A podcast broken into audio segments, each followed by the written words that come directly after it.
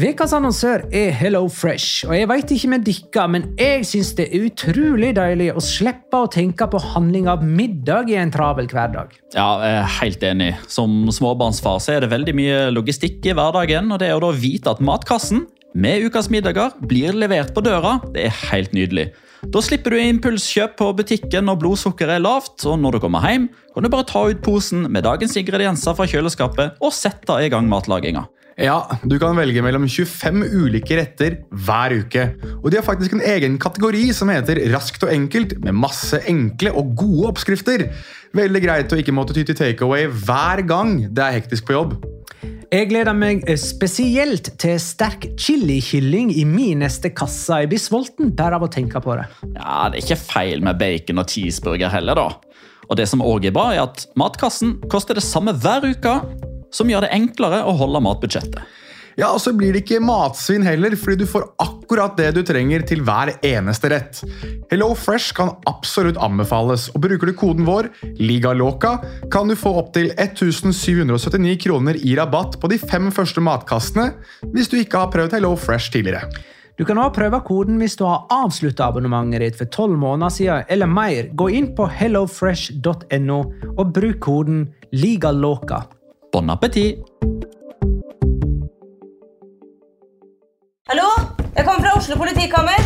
Ine Jansen er purk. Er du purk? The motherfucking bitch. Alt jeg vil, er å finne ut hva som skjedde med mannen min. Jon Carew. Er jeg sikta for noe? Iben Akeli. Det er du. Ole So, Lars Berrum og Big Daddy Karsten. Hvem sin side er du på, egentlig? Anette Hoff, Tone Danielsen, Kommer du fra Afrika? Jørnis Josef, Nesten. Kløfta. Trond Espen Seim. Det er synd å si det, men det var feil mann som døde. Purk. Premiere tirsdag på TV2 Play. Retafe har så smått fått et eget fotballiv. Klubben som var mest kjent for hamburgersponsorer, zombier og bønn om spermdonasjoner, et tomt koliseum og i beste fall et eh, potensielt bananskall for storklubber, kjempa sjøl om en Champions League-plass forrige sesong. På bittert vis måtte de nøye seg med en femteplass.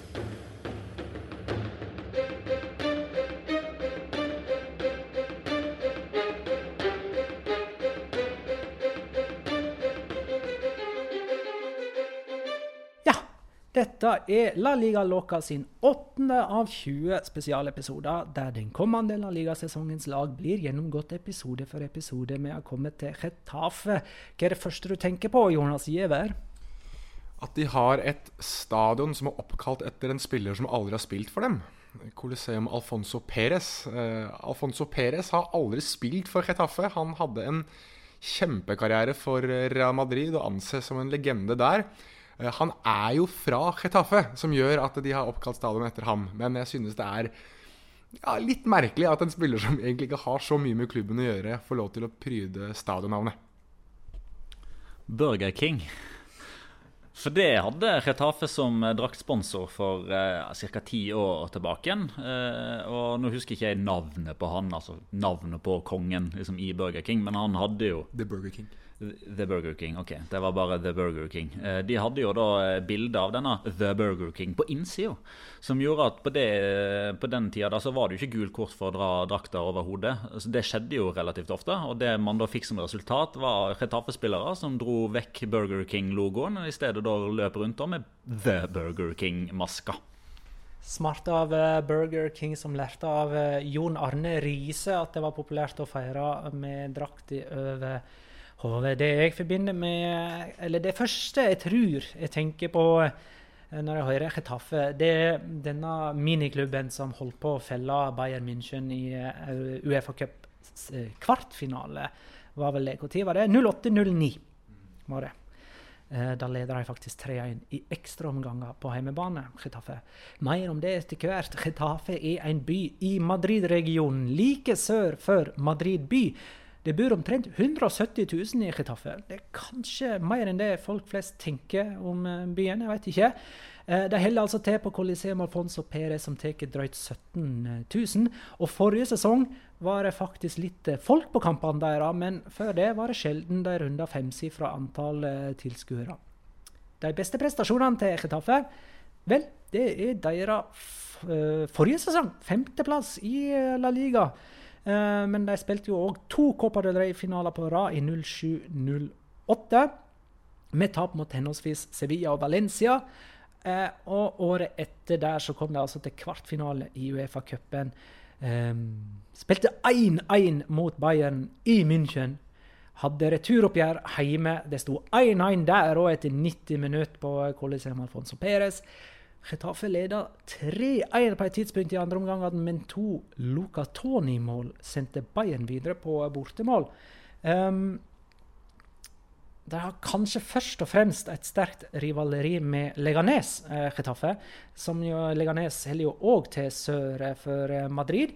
Eh, og det er vel byer som mer eller mindre grenser mot eh, hverandre. Eh, og det er Leganes og Getafe er jo omtrent på samme størrelse.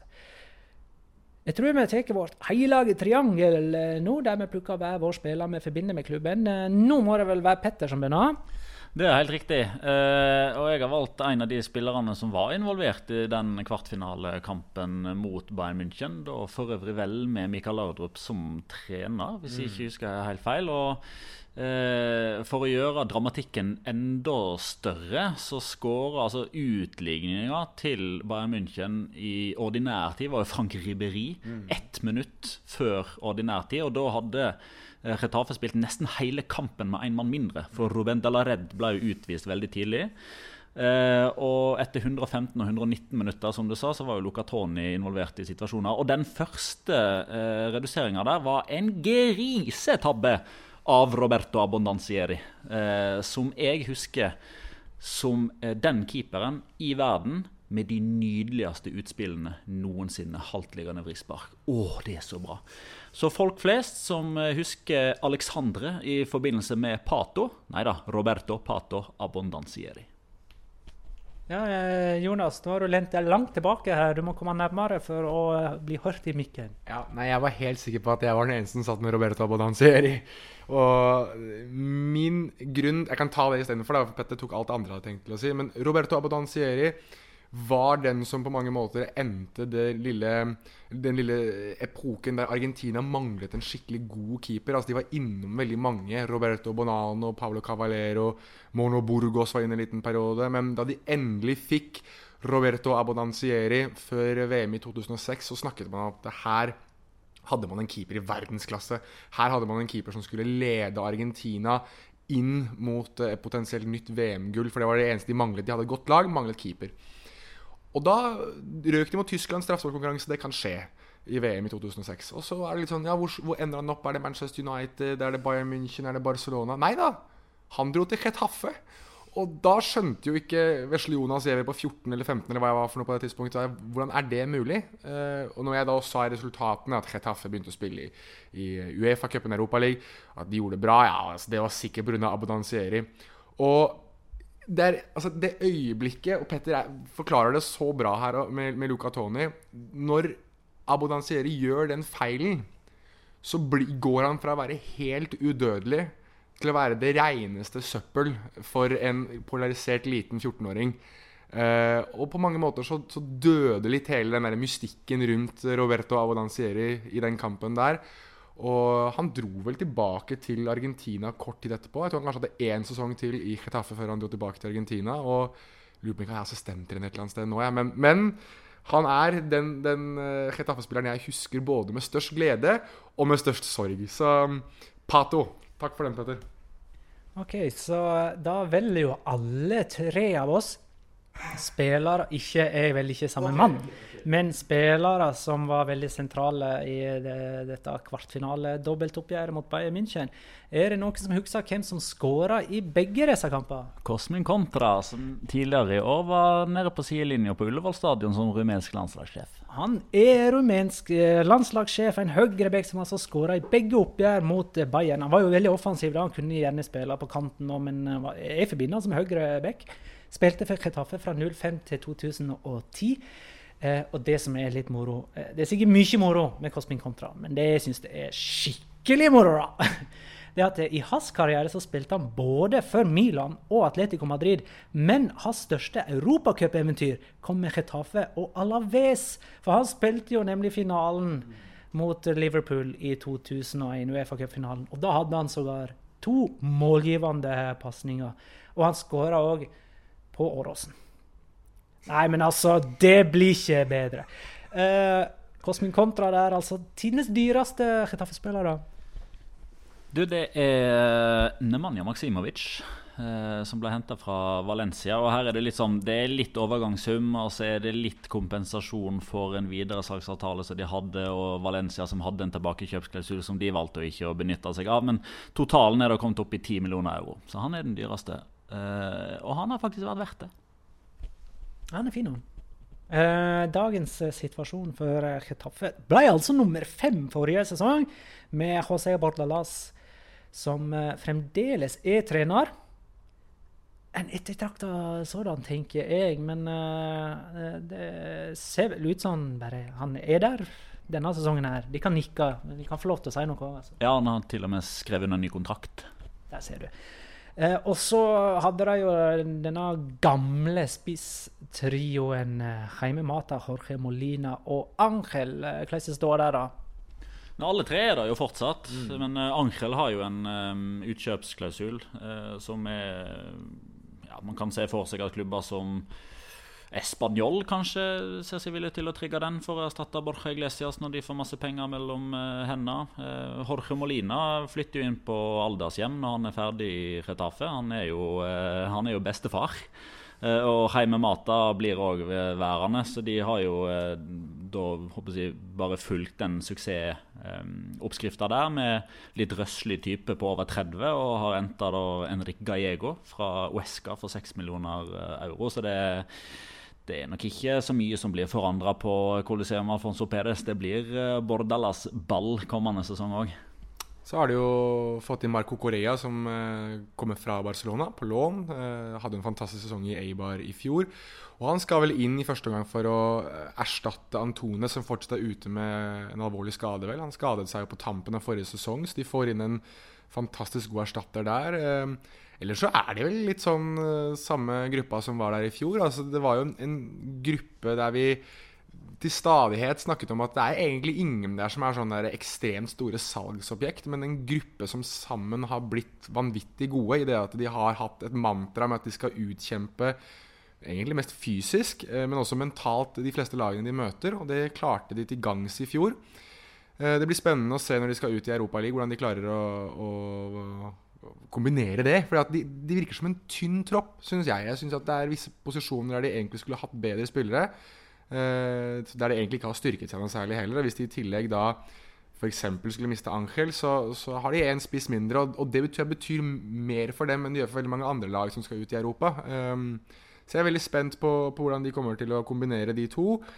Men uh, altså jeg må stille spørsmål også til, til dere to. Altså, er det mulig å gå to sesonger på rad og spille den type fotball og være suksessfull? Det lurer jeg veldig på. Og det tror jeg er det store spørsmålet, spesielt rundt hvor, hvordan Bordalas skal kombinere, og hvordan han skal fortsette å være såpass ettertrakta. For det tror jeg kan komme til å være etter denne sesongen her. Altså For å svare på spørsmålet ditt, så tenker jeg at uh, forrige sesong var peak Chetaffe. Ja. Uh, du kommer ikke opp på det nivået der to sesonger på rad som en så liten klubb som Chetaffe. Ja, pila kommer nok til å peke nedover. Eh, Nå får de òg den ekstra kampbelastningen med Europa League. Der er de jo sikra seks kamper i, i Europa League-gruppespillet utover uh, høsten. Så hvor legger man eggene sine? Legger man den i den ene eller den andre kurven? Uh, har man lyst til å se La Liga eller Europa League-fotball på Coliseum Alfonso Perez, da kan man f.eks. ta lokaltoget fra uh, togstasjonen i Madrid. Da må du ta den sørover, for Retafe ligger som tidligere sagt sør for Madrid by. Da stopper du enten, uh, hvis du tar lokaltoget, så stopper du på El Casar. tar du metro, så må du stoppe på Los Espartales. Det er linje 12 Metro Sur. Husk dog at for å i det hele tatt komme seg på linje 12 Metro Sur, da må du ta linje 10 til Puerta del Sur, fordi linje 12 er en metrobane som kun eh, går eh, i utkanten av Madrid type sør. Treningsfeltet hvis du har en uh, småstein i lomma og kaster den retning sørøst når du står ved stadion, så treffer du treningsfeltet fordi det ligger rett ved siden av. Jeg sa i introen at Retafe kom på femteplass forrige sesong på bitrest tenkelige vis. Altså, da tenker jeg på noe konkret som har med kampfiksing å gjøre. Og kan du ta kort, Petter, ståa eh, i den forbindelse at eh, Valladolid-spillere er mistenkt for å ha fiksa kampen mot Valencia i siste serierunde, noe som gjorde at Valencia vant og tok fjerdeplassen framfor Getafe. Ja, veldig kjapt da, så er det jo en, en sak som fortsatt er under etterforskning, der eh, det er innkalt til vitneavhør. Det kommer til å ta tid, langt ut i kommende sesong, før man får svar på, på dette her. Men eh, det er primært to hovedmenn, da, Carlos Aranda og Raúl Bravo. Eh, tidligere klubbnomade og Real Madrid-spiller, bl.a. Eh, som visstnok skal være liksom, hovedmennene bak alt dette her. Og en av de som er involvert, er Borja Fernandez, som var forrige sesongs Valladolid-kaptein.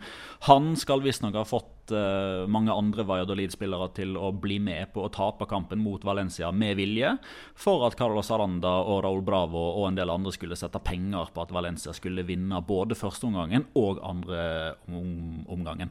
Eh, Så dette er jo selvfølgelig en, en sak det har vært veldig mye søkelys på. Eh, Trist for eh, spansk fotball dersom det viser seg at det er sant, og det er veldig mye som tyder på det. Politiet hadde ikke gjort det de hadde gjort hvis de ikke satt på det de mente var fellende bevis. Men det er i så tilfelle enkeltspillere som blir straffa, og neppe en klubb som Valladolid, for det er ikke klubben som har gjort noe gærent, det er spillere som tilhører den. Har ikke òg Valladolid hatt en intern gransking på dette her? Jo, de har åpnet, og åpna disiplinærsak mot uh, Borja Fernandes. Den ble avslutta, eh, enn så lenge uten noe som helst form for straff. For de mener at uh, klubben kan ikke agere som en domstol. Så så lenge domstolen ikke har dømt Borja Fernandes, så kan heller ikke de gjøre det. Ja, Operasjon Oikos går det her under under operasjonsnavn på. Jeg vil bare få skyte inn jeg, en ny spiller som jeg gleder meg til å se litt i Chetaffe denne sesongen. her Er jo Jack Harper, som har kommet fra Malaga.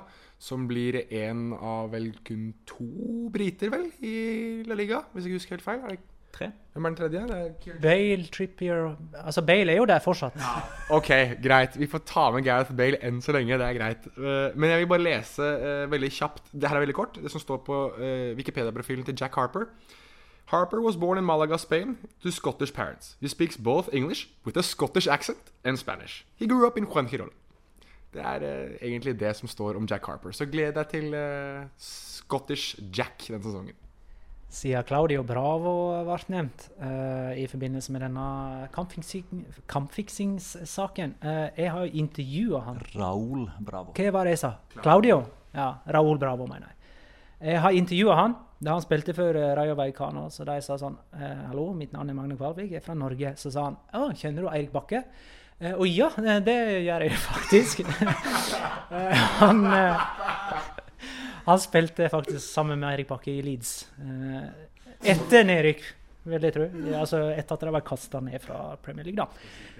Hæ? Nei, jeg, Nå skulle jeg late som om han kanskje fore, skulle finne ut en kamp som Eirik Bakke kunne hjelpe han med å fikse, men eh, Nei, eh, vi skal ikke blande Eirik Bakke inn i kampfiksingssaken. Eh, men det var jo egentlig sånn type 'Kjenner du Ola fra Norge?' spørsmål. Men tilfeldigvis så var dette en jeg eh, kjente. altså. Nei, men det får holde med Er det fortsatt Chetaffe vi snakker om? det får holde med Chetaffe-prat.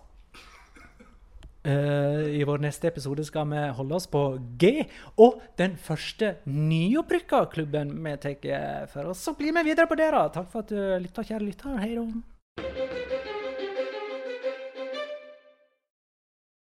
Har du et enkeltpersonforetak eller en liten bedrift? Da er du sikkert lei av å høre meg snakke om hvor enkelt det er med kvitteringer og bilag i fiken, så vi eh, gir oss her, vi. Fordi vi liker enkelt. Fiken superenkelt regnskap.